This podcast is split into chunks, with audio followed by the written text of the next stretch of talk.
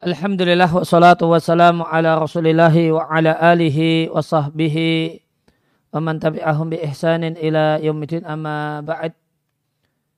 Kaum muslimin dan muslimah rahimani wa rahimakumullah kembali kita lanjutkan pelajaran usul fikih dari kitab Al-Wadih fi usulul fiqhi lil mubtadi'in karya saya Sulaiman Al-Ashqar rahimallahu rahmatan wasi'ah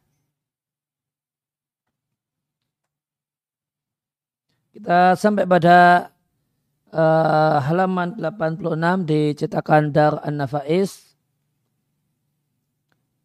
Kaulun akhar fi tafsiril mutasyabihi. Pendapat yang lain tentang penjelasan untuk mutasyabih.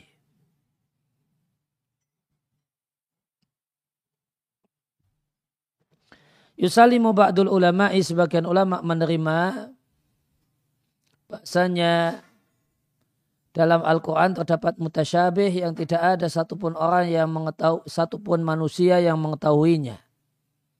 Bal ya'lamahullahu. Hanya Allah yang mengetahuinya.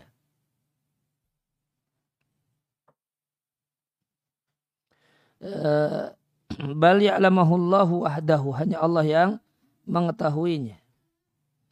Sehingga yang dimaksud dengan mutasyabih Al-hada menurut pendapat ini adalah hakikat sebagian perkara, bukan tafsir atau penjelasan untuk redaksinya.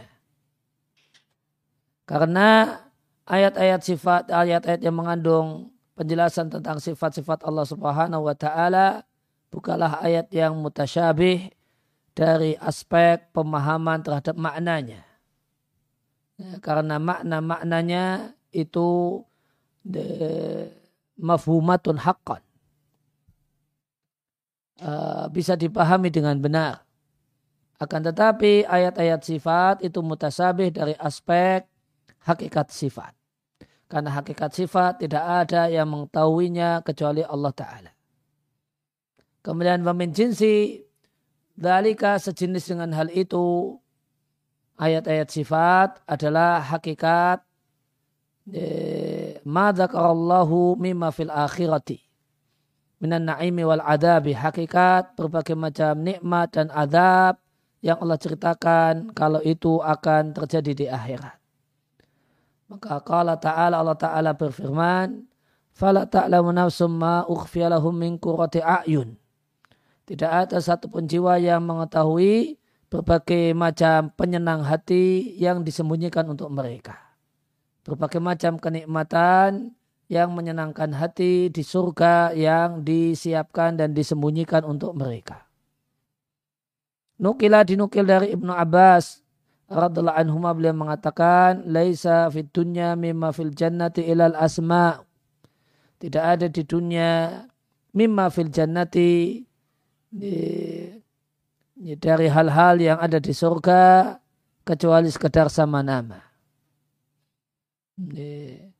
Tidak ada hal-hal yang ada di dalam surga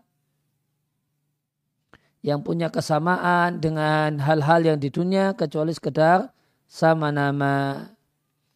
Wa yuwaddihu dan uh, yang memperjelas hal itu bahasanya kita uh, tidak mengetahui hakikat banyak perkara yang kita bicarakan fi hadid dari di dunia ini.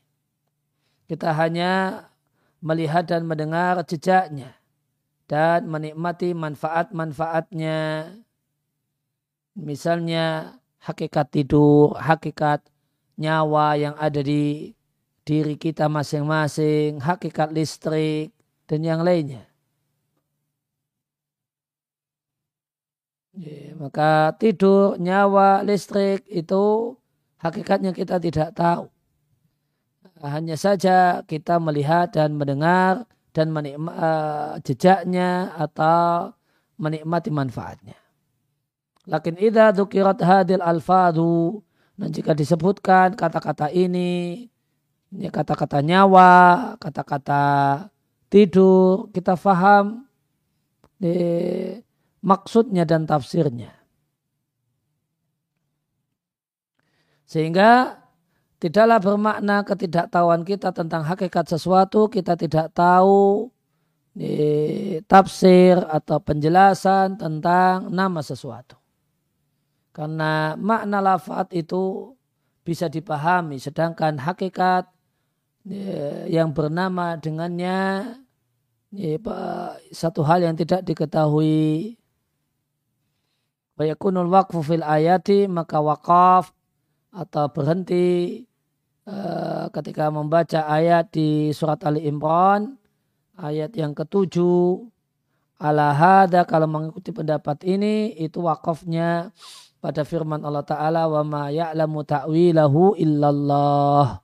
Tidak ada yang mengetahui uh, takwilnya takwil dalam pengertian dalam hal ini hakikat hakikatnya kecuali Allah.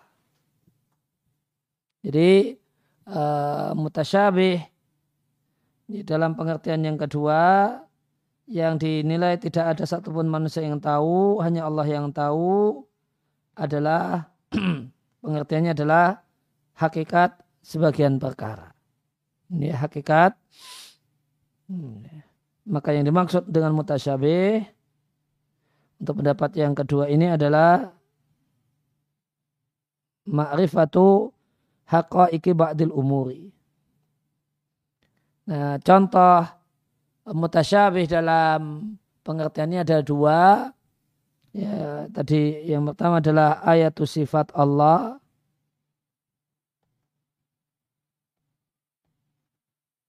Ini ayat sifat Allah ini tasabih yang pertama. Kemudian eh, nikmat dan azab di akhirat yang Allah ceritakan. Hakikat, nikmat dan azab akhirat yang Allah ceritakan.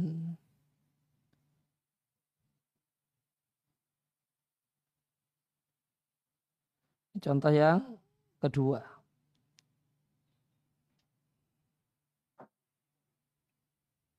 Kemudian tadi dijelaskan oleh penulis apa contoh pembanding tahu makna namun nggak tahu hakikatnya. Ini contohnya maka beliau contohkan dengan tiga kosakata nyawa, kemudian tidur, karena sebagian boleh jadi menyanggah. Uh, ya, masa sih ada tahu maksudnya namun tidak tahu hakikatnya. Nah, maka sebagai pembanding adalah tidur, nyawa, kemudian listrik. Hakikat tidur itu setiap hari kan kita tidur. Hakikat tidur itu apa? Apa sih yang terjadi dengan tidur? Apa yang terjadi saat kita tidur? Ya, apakah nyawa keluar? Terus kemudian keluarnya ke mana? Kemudian kita memasuki alam tidur itu, itu alam apa itu? Kemudian ada di sana mimpi. Nah, itu apa itu? Nah, setiap hari kita eh, kita mengalaminya, merasakannya. Yeah. Yeah. Kita kemudian merasakan jejaknya, ada suara ngorok tidur, ada orang lelap tidur. Namun kita nggak tahu hakikatnya. Padahal itu terjadi pada diri kita sendiri. Maka ini menunjukkan bahasanya ada yang namanya sesuatu itu kita ketahui artinya naum itu artinya tidur, namun hakikatnya kita tidak tahu. Kemudian nyawa. Nyawa itu hakikatnya apa, bentuknya apa, letaknya di mana di badan kita. Kita tidak tahu secara pasti. Padahal itu tidak di luar tubuh kita. Itu sesuatu yang ada di tubuh kita. Ternyata sesuatu yang ada dalam tubuh kita sendiri kita tidak tahu. Meskipun kita kita tidak tahu hakikatnya, meskipun kita tahu uh, pengertiannya. Demikian juga listrik. Maka ini menunjukkan ya, bahasanya tidak semua yang kita ketahui uh, terjemahnya, penjelasan katanya kita tahu hakikatnya. Kemudian pendapat yang ketiga yang tertolak. Qad atolna al kaula. kita telah berpanjang kata dalam menjelaskan eh, yang benar tentang pengertian mutasyabih. Ini sebagai sanggahan bagi anggapan sebagian orang yang mengatakan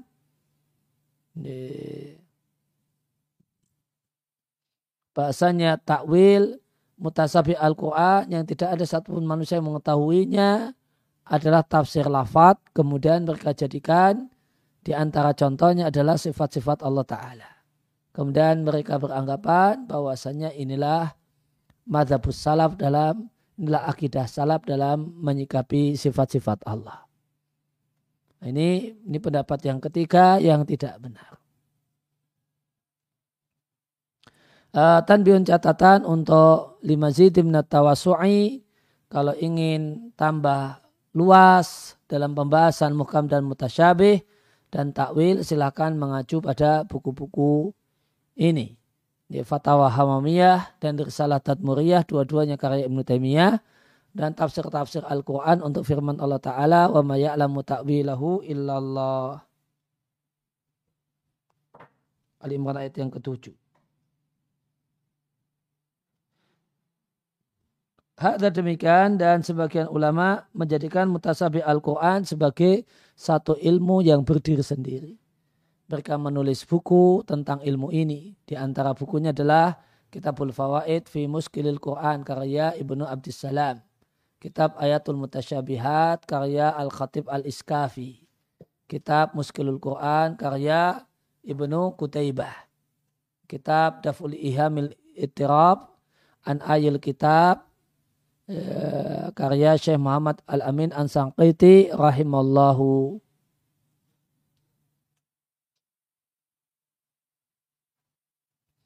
Kemudian pasal selanjutnya tentang mu'arab yaitu kosakata non Arab yang diarabkan. Sebagian ulama mengingkari ayakuna fil Qur'ani lafzun a'jami adanya kosakata non Arab dalam Al-Qur'an. Dengan alasan firman Allah taala bilisanin arabiyyin mubin. Dengan bahasa Arab yang nyata. Walakin ajma ahlu lughati akan tapi pakar bahasa Arab sepakat. Bahasanya banyak dari nama uh, dari isim-isim alam nama diri yang ada di Al-Quran itu adalah ajam. Walidhalika oleh karena itu mereka para pakar bahasa Arab menolak untuk uh, mentanwin atau ya, memasukkan dalam kategori isim munsorib untuk uh, untuk Musa, kata uh, kata Musa, Isa dan Idris dan yang lainnya. Wakadhalika demikian juga banyak-banyak uh, kathumna al-fatih hadariyah.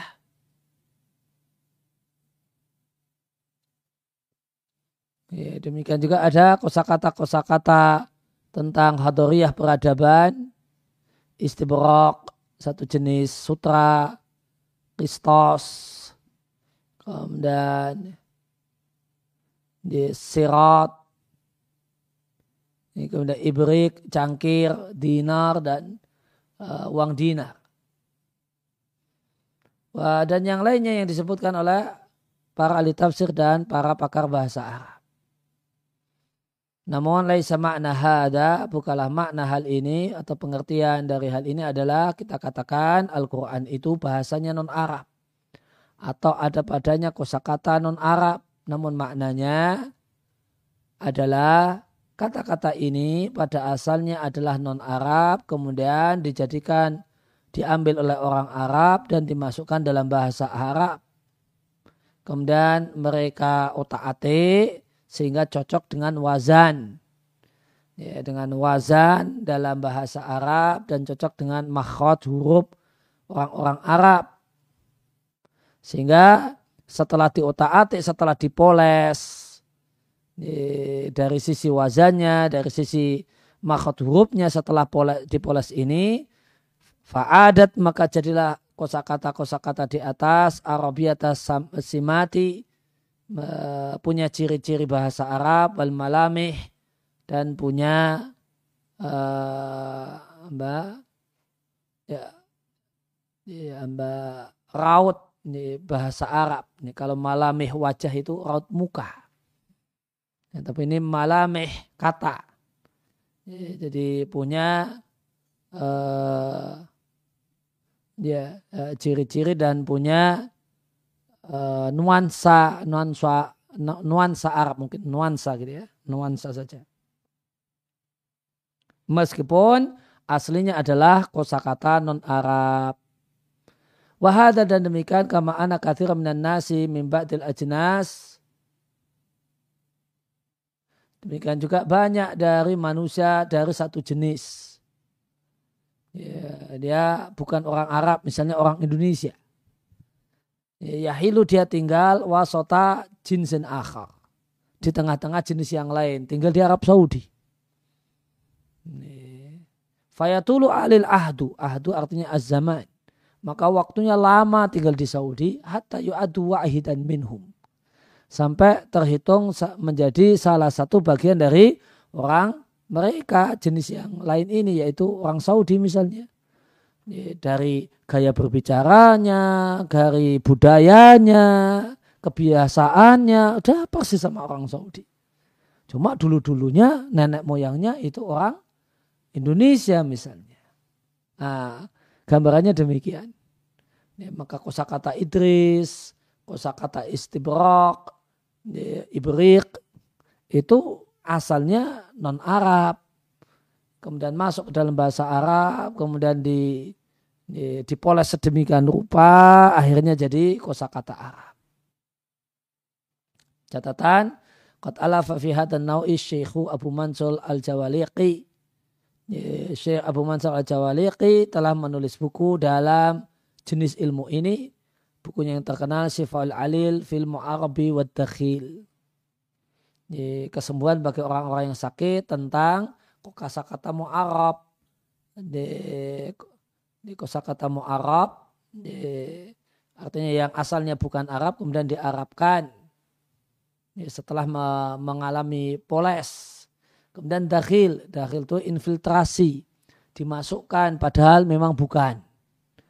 Nah ini belum mengalami uh, proses yang harus dialami, nah ini dakhil.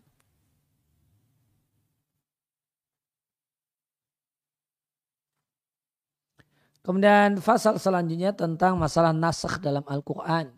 Terdapat dalam surat Al-Baqarah firman Allah Ta'ala, manansakh min ayatin, tidaklah kami menasakh satu ayat atau kami melupakan satu ayat, niscaya kami datangkan dengan yang lebih baik darinya atau yang semisal.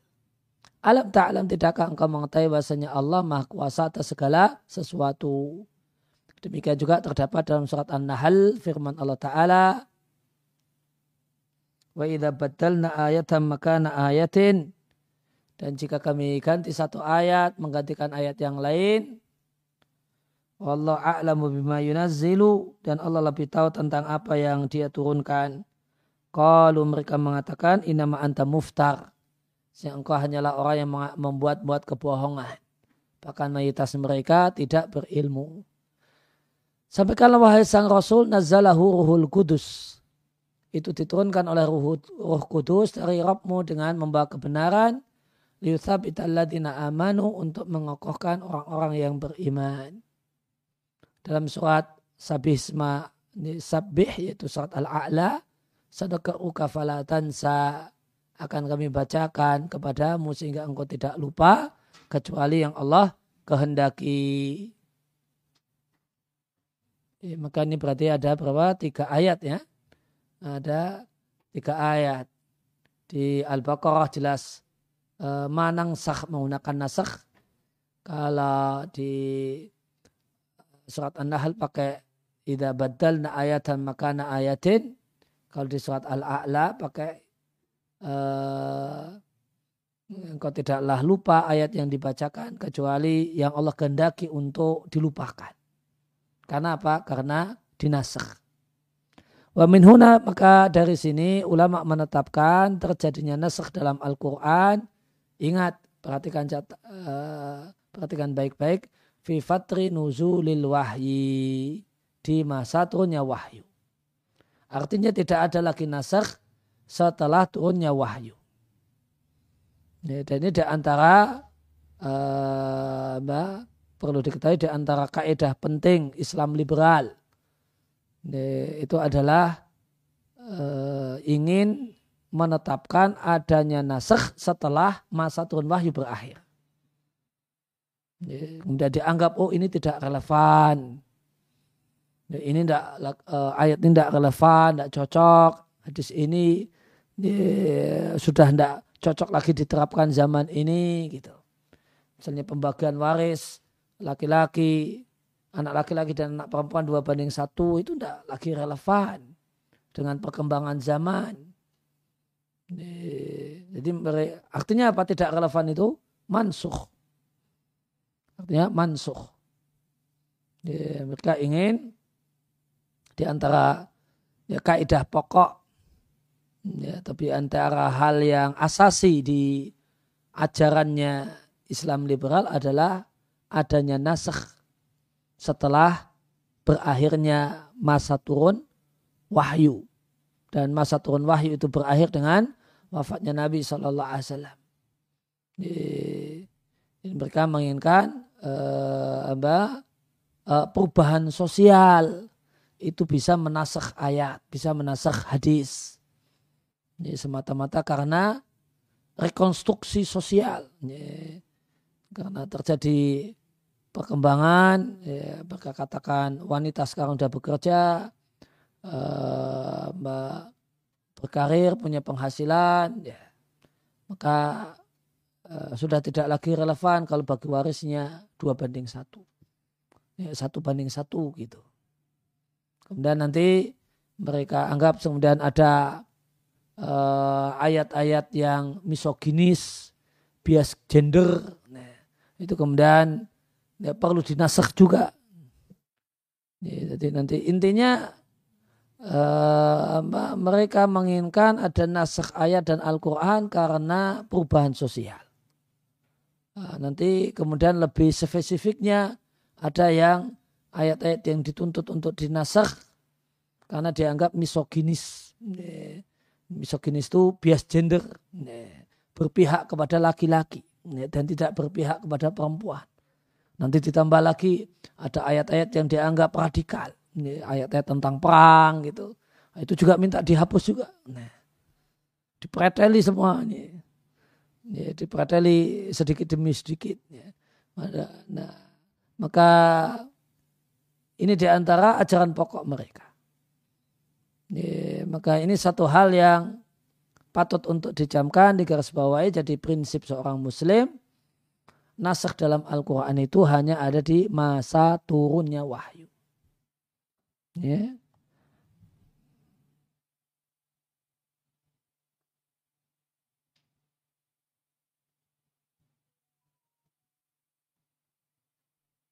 Masa turunnya wahyu itu eh, satu hal yang harga mati yang tidak boleh ditawar-tawar. Bayang dalika dan adanya nasr itu diingkari oleh sebagian ulama masa masa silam dan masa sekarang wala yang beriltifatu ila kaulihim tidak sepatutnya menoleh memperhatikan pendapat mereka ya, karena pendapat mereka ini statusnya adalah tahakumun adalah ya, sekedar ya, berbicara tanpa dasar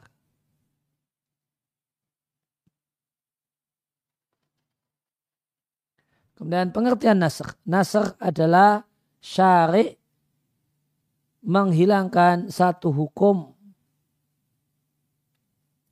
bi khitabin dengan menggunakan teks yang turunnya belakangan anhu daripada yang dihapus.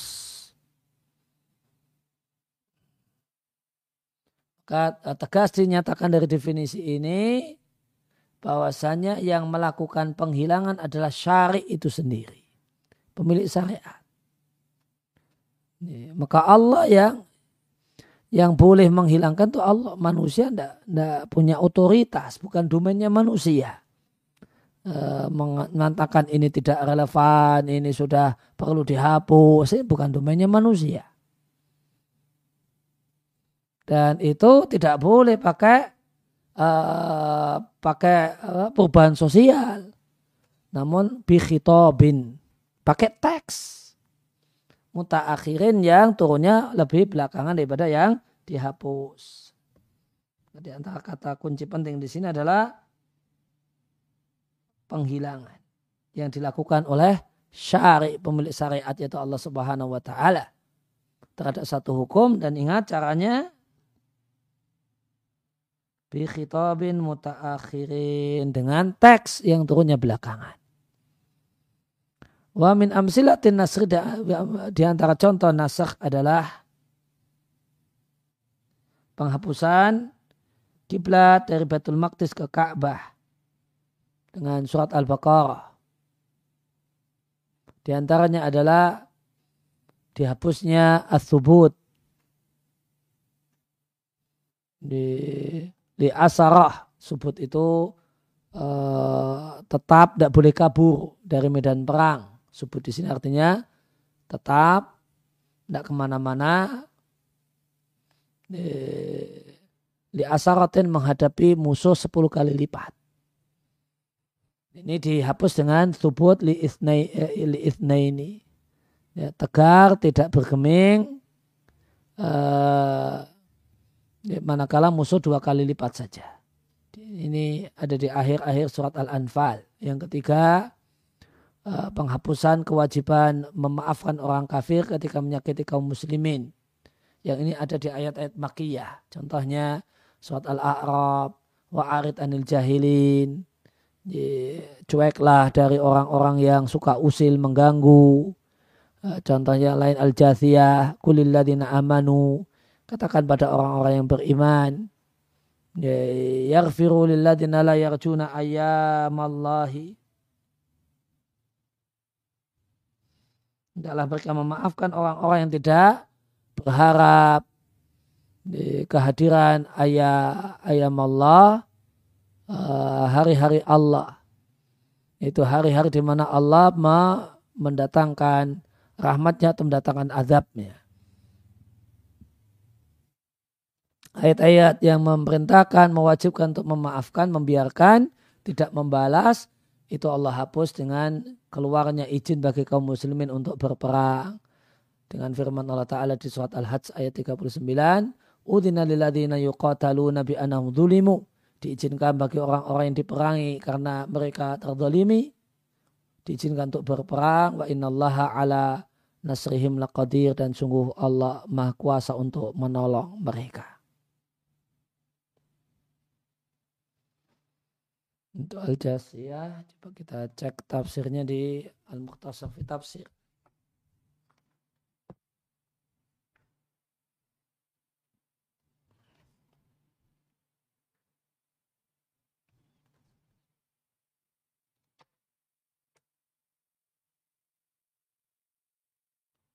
Al-Jasiyah ayat 14.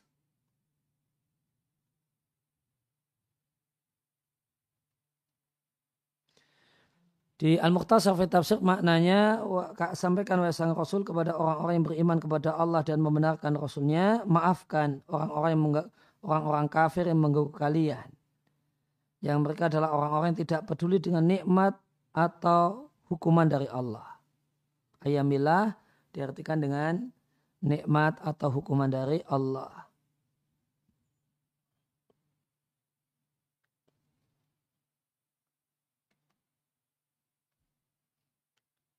Wal hikmatu minan naskhi dan hikmah dibalik adanya nasakh itu latakfa tidak samar alias jelas dan gamblang karena syariat itu diletakkan bitadriji secara bertahap supaya mudah untuk diterima dan diamalkan. Fakana syekh yusra'u yusra'u maka ada sesuatu yang disyariatkan karena dialah yang cocok di waktunya.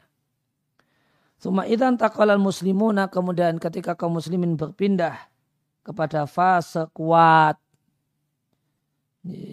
atau lemah atau yang lainnya yang itu berbeda dengan keadaan sebelumnya maka disyariatkan bagi mereka hukum baru yang cocok dan di yulgha dinihilkan hukum yang sebelumnya. Ila sampai akhirnya stabilah keadaan alal wada anihai dalam kondisi yang terakhir untuk hukum-hukum syariat dan turunlah firman Allah Ta'ala pada hari ini ku sempurnakan untuk kalian agama kalian dan kulengkapkan untuk kalian nikmat-nikmatku dan aku ridho Islam sebagai agama kalian. Kemudian fala yunsahu ba'da nuzuli hasyai'un. Tidak ada nasakh setelah turunnya Al-Maidah ayat 3 ini satupun hukum. Demikian juga wala naskha ba'dan il wahyi wa wafati Rasulullah sallallahu alaihi wasallam. Ini kalimat penting atau super penting. Dan tidak ada nasakh penghapusan hukum, penilaian sudah tidak lagi relevan untuk satu hukum setelah terputusnya wahyu dengan wafatnya Rasulullah Sallallahu Alaihi Wasallam. Kemudian nasakh itu ada beberapa macam. Maka kehadiran agama Islam menghapus syariat-syariat sebelumnya. Dan kehadiran Al-Quran eh, menasakh semua hukum sebelumnya yaitu hukum yang ada pada agama-agama samawi terdahulu.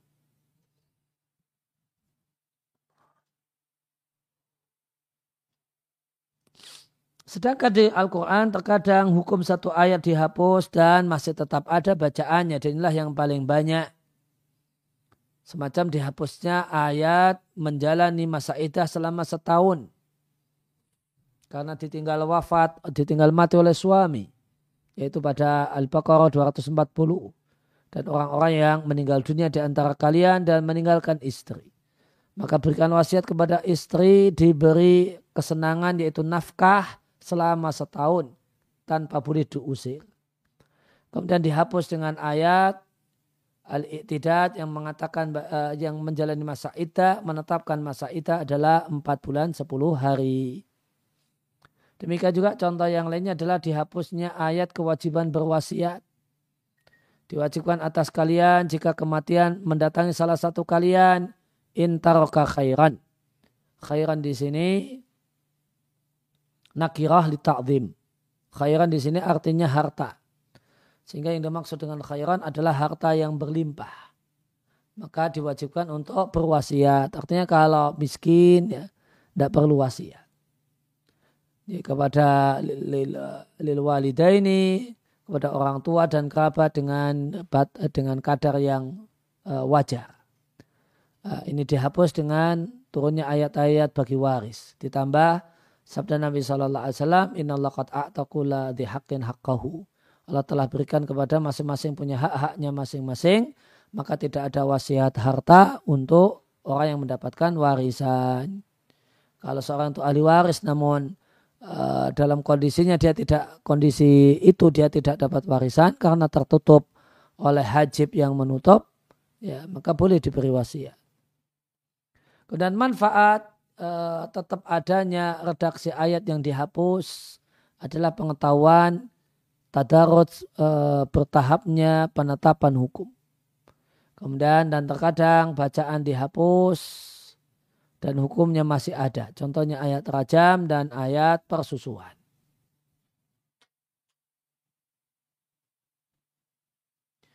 Kemudian jenis yang ketiga, yang tadi enggak, belum di nomor ya.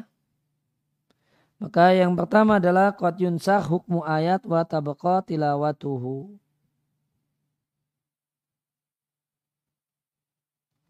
Kemudian yang kedua tunsah tilawah wa ya baka al hukmu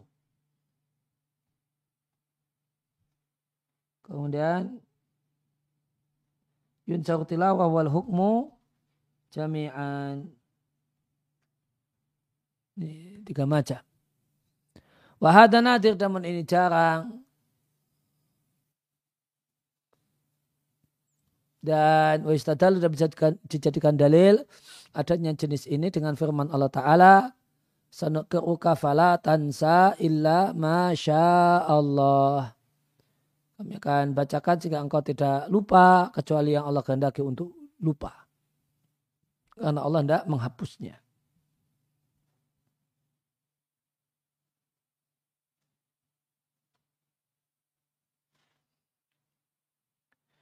Ya, tambihun catatan Al-Quran tidaklah dinasakh dengan hadis. Sebagaimana nanti akan saya akan datang di pembahasan tentang sunnah. Suma kemudian nasakh sebagaimana terjadi pada ayat Al-Quran juga terjadi pada hadis Nabi. Contohnya dalam hadis kuntu nahaitukum an ziyaratil kuburi fazuruha. Dulu aku larang kalian ziarah kubur, sekarang ziarilah kubur. Dan hadis eh, dulu kularang kalian menyimpan daging hewan kurban setelah tiga hari. Sekarang silahkan makan, silahkan simpan, ma badalakum, semau kalian. Catatan yang lainnya untuk lima zid tawasu'i, kalau ingin mau tambah luas pembahasan nasakh dan pembahasan pembahasan pembahasan tentang Al-Quran yang lainnya, rujuklah buku-buku ulumul Quran, terutama uh, ini buku-buku berikut ini. Manahilul Irfan fi Ulumil Quran Muhammad Zakani. Kemudian Al-Itqan di fi Ulumil Quran kayak Suyuti dan ini buku babon ya buku buku yang paling induk ini Al-Itqan fi Ulumil Quran. Ini buku yang paling induk ini paling topnya uh, dalam ilmu uh, pembahasan tentang ulumul Quran. Kemudian Mabahis fi ulumil Quran karya Manak Koton. Ini, ini, ini muasir ya. Uh, ulama kontemporer. Kemudian An-Nasakh fil Quran, uh, fil Quran karya Mustafa Zaid.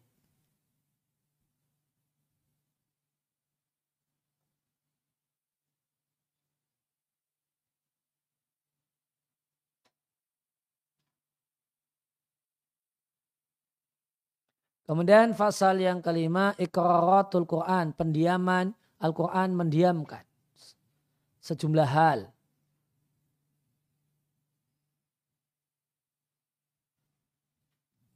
Ya, uh, apa yang Allah uh, apa yang Allah bawakan bayan untuk menjelaskan mubtadaan tanpa ada ya memang uh, maksud awalnya adalah menjelaskan untuk menjelaskan Fala iskala tidak ada e, keraguan fil ihtijaji bihi berhujah dengannya.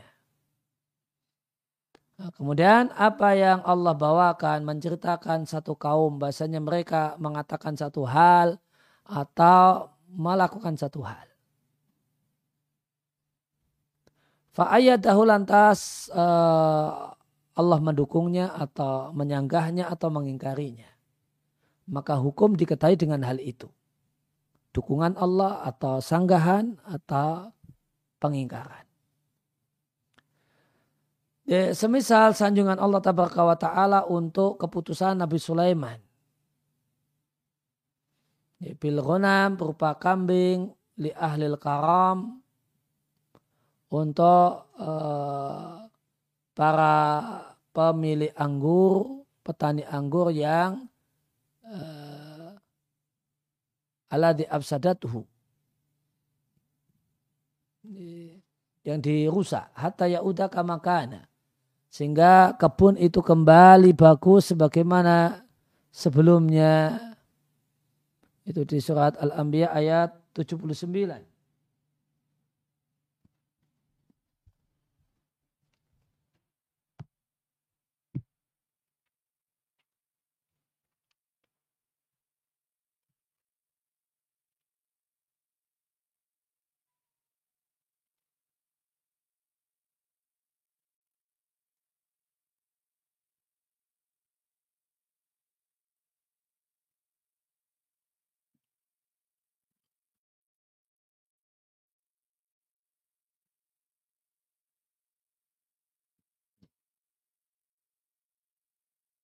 ya, 7879 di tafsirnya di Al-Muqtasif Tafsir saya bacakan ceritakan wahai sang Rasul kisah Dawud dan anaknya Sulaiman alaihi wassalam ketika keduanya menetapkan putusan untuk permasalahan yang dilaporkan kepada keduanya berkaitan dengan dua orang yang bersengketa. Salah satunya punya kambing, sejumlah kambing yang dibiarkan di malam hari merusak di kebun milik orang. Di kebun milik orang sehingga merusak tanaman di kebun itu. Dan kami terhadap hukum Dawud dan Sulaiman kami saksikan. Dan kami fahamkan duduk perkara ini kepada Sulaiman bukan pada ayahnya Daud. Meskipun masing-masing dari Daud dan Sulaiman kami berikan kenabian dan ilmu tentang hukum-hukum syariat.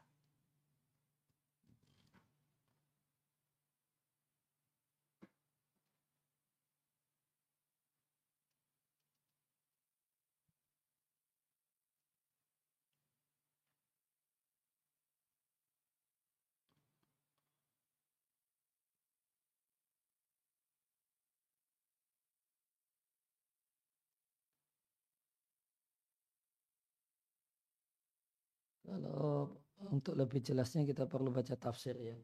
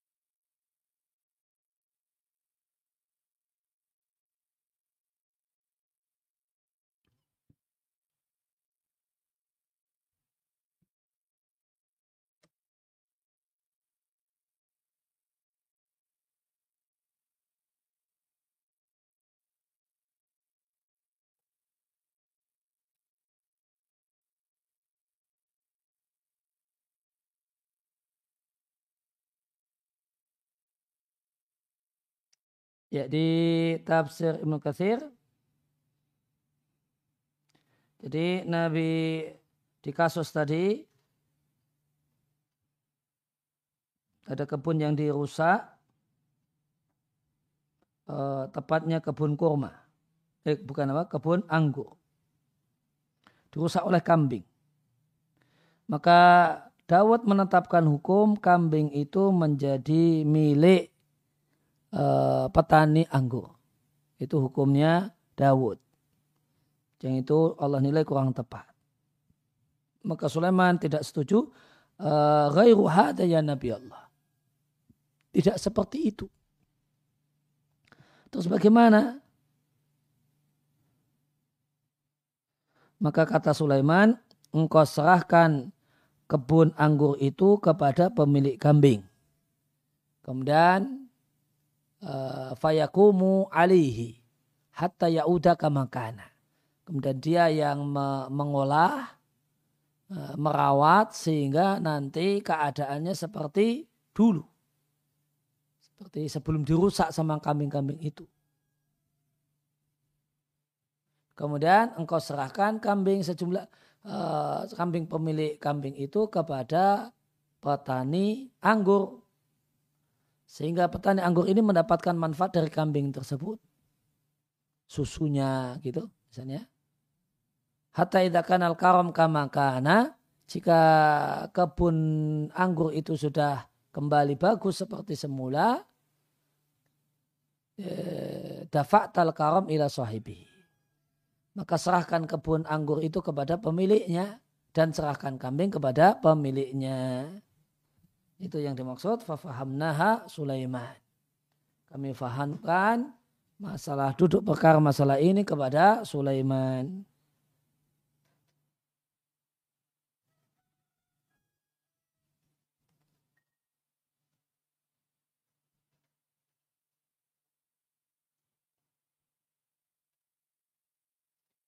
Ini berarti Allah memuji.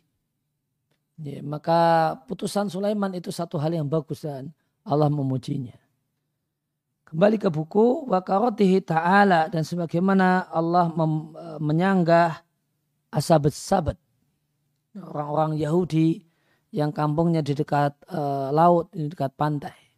Yang melanggar kemuliaan dan larangan hari Sabtu. Uh, Allah bantah hila tahum hila uh, tipu, uh, trik yang mereka lakukan. Nah, kemudian Wa masakat al-Qur'anu, hal-hal yang didiamkan oleh Al-Quran, Al-Quran tidak mendukungnya, tidak pula menyanggahnya. Walam yatabayan minas sunnati dan tidak juga jelas dari hadis yang sahih. Tidak ada penjelasan bahasanya hukumnya berbeda dengan hal tersebut. Nah ini gimana? Apakah bisa jadi dalil? Ya, maka ya, di sini disampaikan fawa hujatun. Bisa jadi hujah ya, sebesar ucapan penghuni neraka tatkala ditanyakan pada mereka masalah kaum fisakar apa yang menyebabkan kalian masuk neraka qalu lam nakum minal musallin walam nakunu ta'imul miskin kami dulu tidak sholat, kami tidak mau memberi makan orang miskin, yaitu tidak mau bayar zakat. Maka ayat ini bisa dijadikan hujah bahasanya sholat itu wajib atas orang-orang kafir. Nah kenapa bisa jadi hujah? Wa inamal amr kadalik. Dan uh, keadaannya adalah seperti itu karena Al-Quran adalah kitab furqanin. Kitab pembeda. Kitab hidayah dan cahaya. Fala yuridu amron batila. Al-Quran tidak akan membawakan perkara yang batil. Lantas didiamkan. Dan dibiarkan tanpa penjelasan. Di catatan untuk lima ziti minatawasok untuk lebih luas dalam membahas masalah ini silahkan merujuk kitab kami yang ditulis oleh Syekh Sulaiman Al-Ashkar judulnya Af'alu Rasul. Perbuatan Rasul Sallallahu Alaihi Wasallam di pembahasan tentang takriratullahi ta'ala. Hal-hal yang didiamkan oleh Allah ta'ala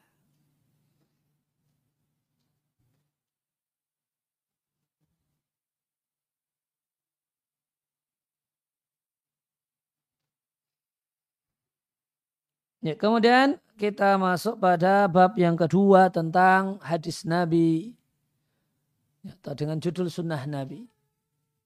Dalam bahasa Arab sunnah artinya tariqah, jalan. Dan uh, kalau jalan jalan itu jalan abstrak, maka tidaklah disebut jalan abstrak kecuali sesuatu yang sudah jadi kebiasaan. Ya, maka misalnya kita katakan uh, torikoh fulan itu ngopi di pagi hari. Ini ngopi di pagi hari itu kita katakan torikoh atau kita katakan sunnahnya fulan itu syaratnya itu kebiasaan fulan. Kalau tidak jadi kebiasaan fulan cuma sekali saja itu tidak bisa kita katakan tarikah fulan atau sunnah fulan ngopi di pagi hari. Sarapan dengan kopi. Nah, jadi dia sesuatu yang menjadi kebiasaan. Itu disebut eh, itu secara bahasa. Ya, kita ingat ya, ini bahas secara bahasa. Sehingga di bahasa Inggris sunnah itu disebut tradition. Ya. Ini karena e, menimbak makna bahasanya, tradisi. Sesuatu yang jadi kebiasaan. Tapi ini ingat makna bahasa. Nanti ada makna makna syar'i untuk uh, untuk sunnah tentunya. Ada makna e, syariat atau makna istilah untuk sunnah. Sebagaimana perkataan Labid min ma'syarin sanat lahum aba'uhum dari satu rombongan yang ayah mereka telah menetapkan sunnah untuk mereka. Dan setiap kaum itu punya sunnatun wa imamuha. Punya kebiasaan, punya sunnah, punya jalan khas dan punya imamnya. Sehingga sunnah Nabi SAW adalah jalan Nabi yang Nabi hamparkan bagi kaum muslimin. Supaya mereka berjalan di atasnya dalam beragama.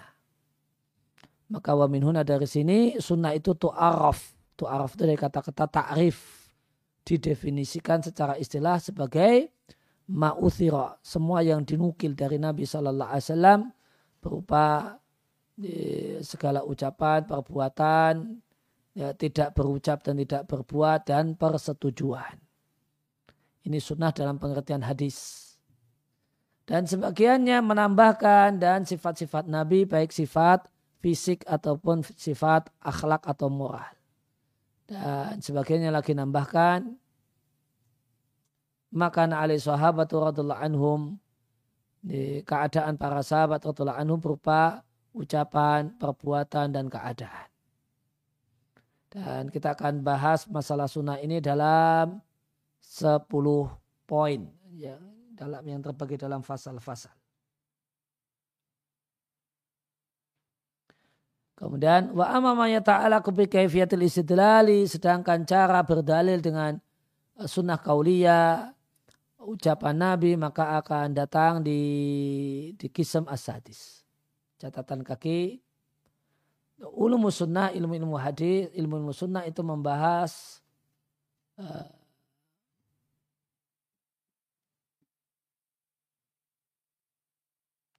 kita bahas di ilmu mustalah hadis dan di ilmu usul fikih. Jadi pembahasan tentang hadis itu menjadi irisan dua ilmu. Ya, ilmu mustalah hadis dan ilmu usul fikih. Adapun ilmu usul fikih membahas sunnah membahas hadis dari aspek berdalil dengan sunnah bukan aspek yang lainnya. A ini aku maksudkan berujar dengan sunnah dari sisi uh, jumlah Tuhan globalnya. Wahada tidak ini jelas. Uh, wa min demikian juga dari sisi uh, kategori-kategorinya semacam hadis mursal itu bisa jadi hujah ataukah tidak. Kemudian kriteria rawi yang bisa jadikan hujah riwayatnya. Nah, sedangkan ilmu mustalah hadis pembahasannya lebih luas dan lebih banyak rinciannya. Karena dibahas masing-masing jenis-jenis hadis dan nama masing-masing darinya. Kemudian dibahas tentang bagaimana cara uh, dobet, cara merekam hadis, penulisan, tentang mendengar dan memperdengarkan, dan yang lainnya. Nah kalau, kalau di ilmu mustalah hadis, kalau jarang dibahas tentang hujiyah, kekuatan hukum dari hadis.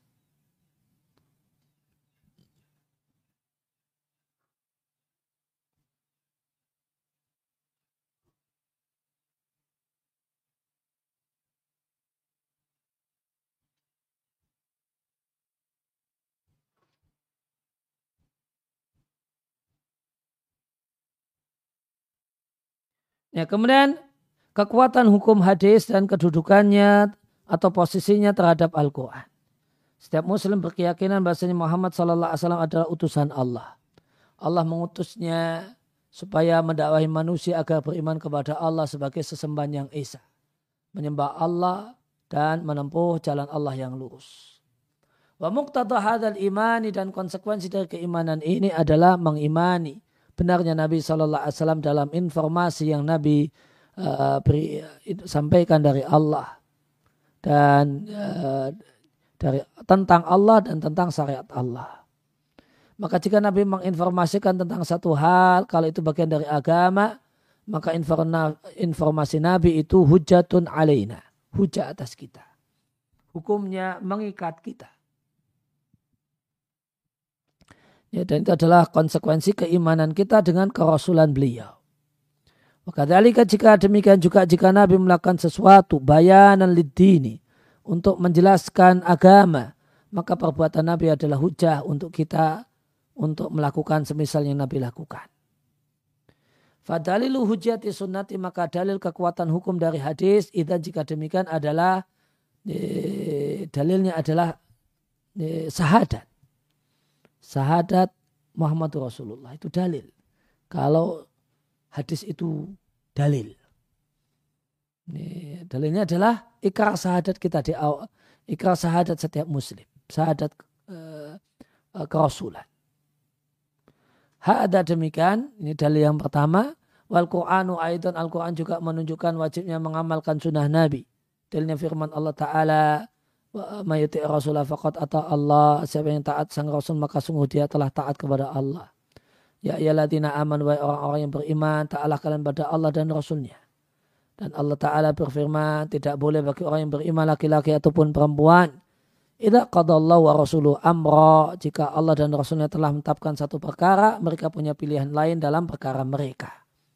Wa ta'ala dan Allah Ta'ala berfirman laqad kana lakum fi rasulillahi uswatun hasanah Sungguh telah ada bagi kalian pada diri Rasulullah Sallallahu Alaihi Wasallam teladan yang baik. Kedudukan hadis terhadap Al-Quran. As-sunanu sunnah dari sisi hubungannya dengan Al-Quran ada empat macam. Yang pertama, ya, sunnatun ada sunnah atau hadis yang datang dengan satu hukum yang mencocoki hukum yang ada dalam Al-Quran. Dan itu setara dengan Al-Quran dalam pesannya. Dan tidak lebih dari itu. Boleh jadi berupa ucapan Nabi atau perbuatan Nabi. Ucapan Nabi, semisal perintah Nabi Shallallahu Alaihi Wasallam kepada para sahabat untuk puasa Ramadan dan untuk menyelesaikan ibadah haji. Itu semua hadis-hadis itu mencocoki firman Allah Ta'ala. Kutiba alaikumus siyam diwajibkan atas kalian berpuasa. Dan firman Allah Ta'ala, wa atimul hajja wal umrah lillah, selesaikan haji dan umrah karena Allah. Perbuatan Nabi. Allah Ta'ala memerintahkan berwudu dengan membasuh wajah, dua telapak tangan sampai siku, mengusap kepala, membasuh dua kaki sampai mata kaki. Lantas Nabi Shallallahu Alaihi melakukan itu semua. Beliau membasuh wajahnya dalam rangka patuh terhadap perintah membasuh wajah mengusap rambut kepala dalam rangka mematuhi perintah mengusap rambut kepala dan seterusnya. Dan hukum hadis jenis ini dia adalah tadbikun. Penerapan untuk kandungan Al-Quran dan menegaskan eh, ayat Al-Quran. Ini disebut dengan bayan takrir. Hadis yang statusnya bayan takrir. Menegaskan apa yang disampaikan oleh Al-Quran. Jenis yang kedua ada satu perkataan yang global dalam Al-Quran dengan redaksi yang tidak diketahui apa yang dimaksudkan. Tafsilan secara spesifik. Lantas terdapatlah hadis yang menjelaskannya secara spesifik.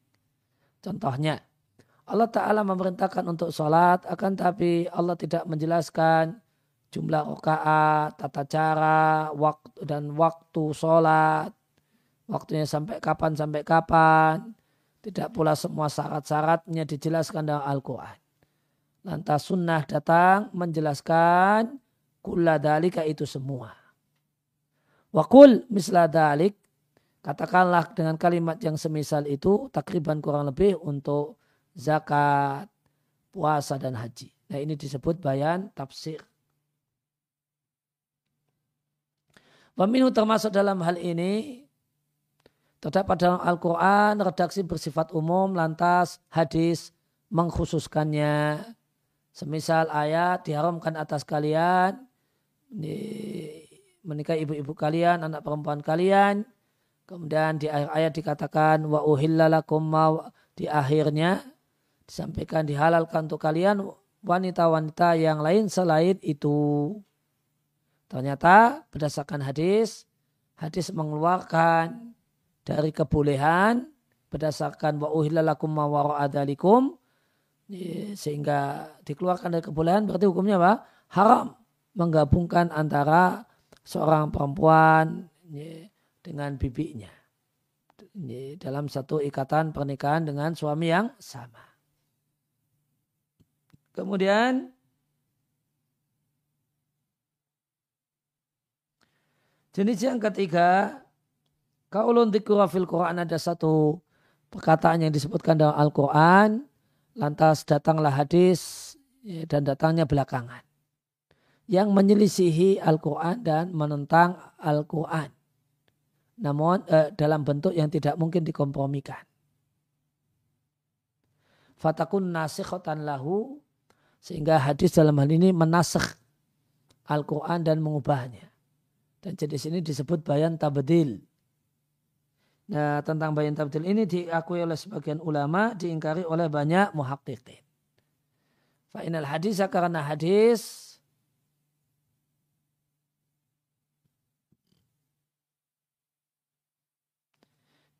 karena hadis seandainya nakoda bertentangan dengan hadis yang lebih sahih, hadis tersebut jatuh, rontok. Maka bagaimanakah kok malah bertentangan dengan Al-Quran? Kok malah bisa menghapus? Ini ini alasan ulama yang mengatakan tidak bisa ada nasar Al-Quran dengan hadis. Kemudian uh, hadis jenis yang keempat. Hadis datang bisain dengan satu ketentuan yang tidak ada dalam Al-Quran dikrun penyebutannya. Nah itu murni hukum baru. Istakolat bisunnatu. Yang sunnah atau hadis itu independen menyampaikannya. Dan sunnah jenisnya adalah hujah. Bidalalati dengan dalil kejujuran sang Rasul Sallallahu Alaihi Wasallam. Yang kedua dengan dalil firman Allah Ta'ala. Kami turunkan kepadamu Alkitab wal hikmah. Ini, perhatikan ayat ini. Alkitab wal hikmah. Maka hikmah sesuatu yang berbeda dengan Al-Quran. Sehingga laisa huwa tidaklah dia kecuali sunnah. Dan dalil yang ketiga sabda Nabi Sallallahu Alaihi Wasallam. Ala ingatlah senya aku diberi Al-Quran dan semisalnya bersama Al-Quran yaitu hadis. Wa minhuna maka dari sini jelaslah dua poin penting. Yang pertama, tidak benarnya keyakinan yang dianut oleh sejumlah manusia yang menyebut dirinya dengan Quraniyin. Di Indonesia namanya ingkar sunnah. Kalau di Timur Tengah disebut Quraniyin. Yang mereka mengatakan bahasanya referensi satu-satunya dalam Islam hanya Al-Quran. Dan bahasanya kaum muslimin tidak membutuhkan hadis Nabi. Bidakwa dengan klaim bahasanya semua yang yutlabu ma'rifatuhu dituntut untuk diketahui oleh seorang muslim semuanya sudah ada dalam Al-Quran.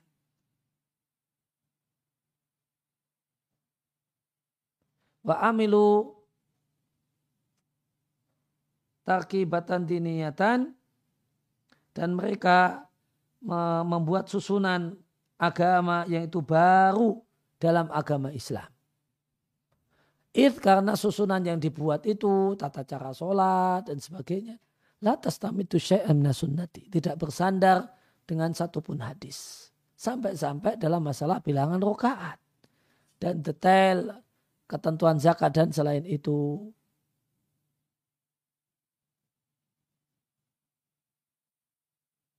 Yang kedua, anak Al-Quran, bahasa Al-Quran. Tidak karena bayinan jika jelas. Fitashri'in ma' dalam satu hukum tertentu di mana ayatnya itu tidak ada padanya keglobalan atau kesamaran maka boleh beramal dengannya tanpa ada kebutuhan mengacu kepada merujuk pada sunnah dan ini banyak dalam Al-Quran. Min ajli dalika oleh karena itu maka sepatutnya para penuntut ilmu mempelajari hukum-hukum Al-Quran dan membiasakan diri untuk menyimpulkan hukum dari Al-Quran secara langsung dan berhujah dengan ayat-ayat Al-Quran. Wal ihtikam ilaihi dan minta hukum kepada Al-Quran. Dan tidaklah dia jadikan uh, hadis itu pada kedudukan yang telah ditentukan oleh syariat padanya, yaitu menjadi pelayan dan pengikut Al-Quran, penjelas bagi Al-Quran. Muaddihah, muaddihatan menjelaskan Al-Quran, mengkhususkan ayat-ayat Al-Quran yang bersifat ya, general. Walaisat dan hadis itu tidaklah menihilkan satupun dari Al-Quran atau membatalkan satupun dari ketentuan Al-Quran. Ya, maka ini me, ya bisa kita katakan sindiran halus sebagian penuntut ilmu yang uh, kurang uh, kurang memberikan perhatian terhadap Al-Quran dan berdalil dengan ayat-ayat Al-Quran namun ya, terlalu fokus pada hadis saja. Ya, maka beliau memberikan nasihat. Sepatutnya penuntut ilmu itu juga punya kesungguhan untuk belajar hukum-hukum yang terkandung dalam Al-Quran dan membiasakan diri menyimpulkan hukum dari Al-Quran. Dan pencatatan oleh Masjid Tawasu'i untuk lebih panjang lebar dalam pembahasan tentang sunnah maka silakan mengacu pada hadis-hadis berikut ini eh, buku-buku berikut ini ada tiga buku yang beliau sarankan uh, as-sunnah wa maka natuha fi tashri' ini karya Mustafa Asibai. Kemudian hadis wal muhadisun karya Muhammad Abu Zahu. Kemudian hujatus sunnah karya uh, uh, Abdul Ghani Abdul Khaliq. Ya, demikian yang kita baca kesempatan kali ini. Wasallallahu ala nabiyina Muhammadin wa ala alihi wa وآخر دعانا أن الحمد لله رب العالمين.